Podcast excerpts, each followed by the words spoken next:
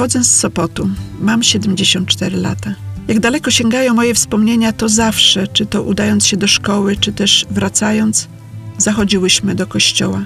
Do kościoła Gwiazdy Morza. Pozdrowić Matkę Boską i jej się polecić. Przyprowadzałyśmy koleżanki, wierzące jak i niewierzące, by im pokazać naszą piękną Matkę Boską. Dziś mieszkam daleko od Polski, ale zawsze na mojej drodze były kościoły czy też kapliczki, gdzie przychodziłam pomodlić się.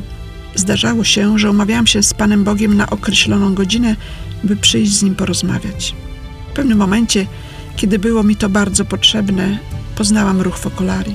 Zobaczyłam, jak ważne i pomocne dla mnie jest uczestniczenie w codziennej mszy świętej. Wcześniej, wychodząc po niedzielnej mszy świętej, zastanawiałam się, co zrobić, by to, co usłyszałam z czytań czy skazania, zastosować do życia i wytrwać w tej łasce do następnej niedzieli. A teraz to stało się takie proste.